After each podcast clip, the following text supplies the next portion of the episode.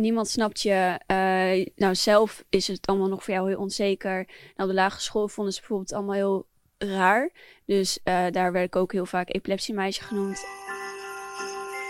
Nou, ik ben hier thuis bij uh, Esme Anne. 24 jaar, zeg ik goed hè? Ja, 24 jaar. Ja, en het is eigenlijk bijzonder dat we jou thuis aantreffen, toch? Ja, ik ben eigenlijk nooit thuis, dus dat is inderdaad wel bijzonder. Ja, en vertel eens, wat doe je dan normaal?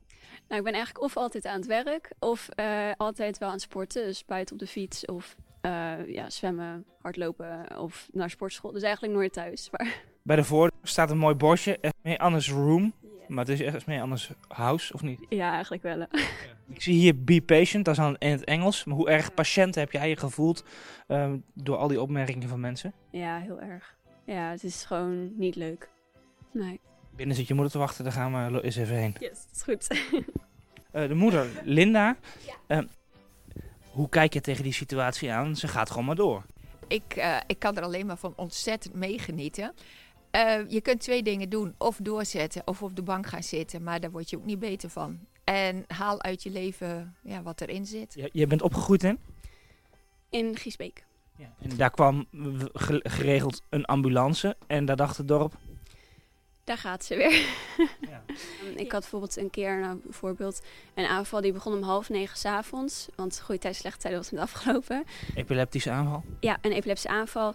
En uh, die duurde ongeveer tot drie uur s'nachts. Dus je kunt denk ik iedereen wel nagaan hoe lang dat dan eigenlijk is. Het was gewoon eigenlijk bizar. Vooral mijn ouders die waren natuurlijk heel bang. Want normaal gesproken, nou, max een half uur. En ik ben er wel weer uit. Maar nu lukt dat niet. En uh, toen hebben ze dus de ambulance gebeld. En dat doen mijn ouders ook niet zomaar. Als ze weten, ik heb een scheidtekel aan als de ambulance komt. En dan ben ik er alweer uit, zeg maar. Want dan hun zijn voor niks gekomen. En er is eigenlijk, hij is er voor niks gemaakt. Maar dit keer was het dus wel echt nodig. En toen werd ik ook uh, opgenomen in het ziekenhuis, omdat ik er nog steeds niet uit was. Als ik ook tegen mijn ouders zei van, mag ze binnen 10 minuten er nog steeds niet uit zijn, dan moet er van uitgaan of een blijft de hersenschade.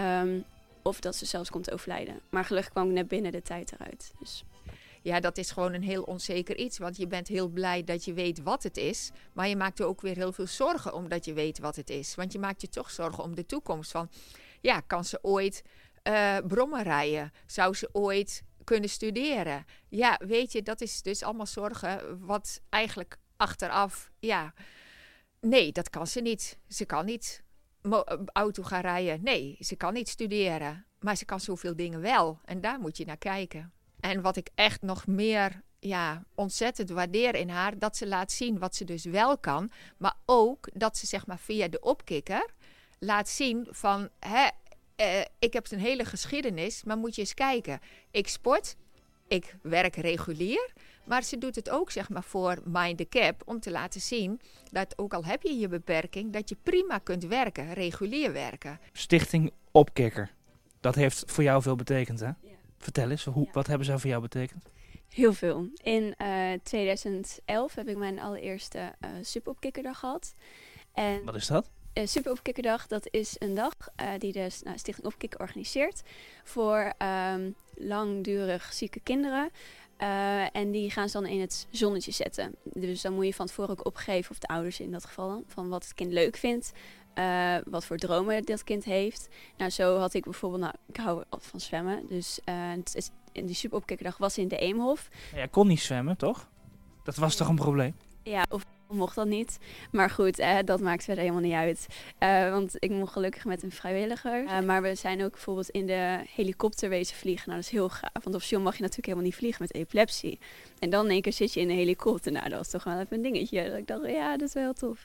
Maar zo'n dag, dat is gewoon ook niet te omschrijven. Dat uh, zeg ik ook wel eens tegen andere mensen als je moet gaan uitleggen wat het is.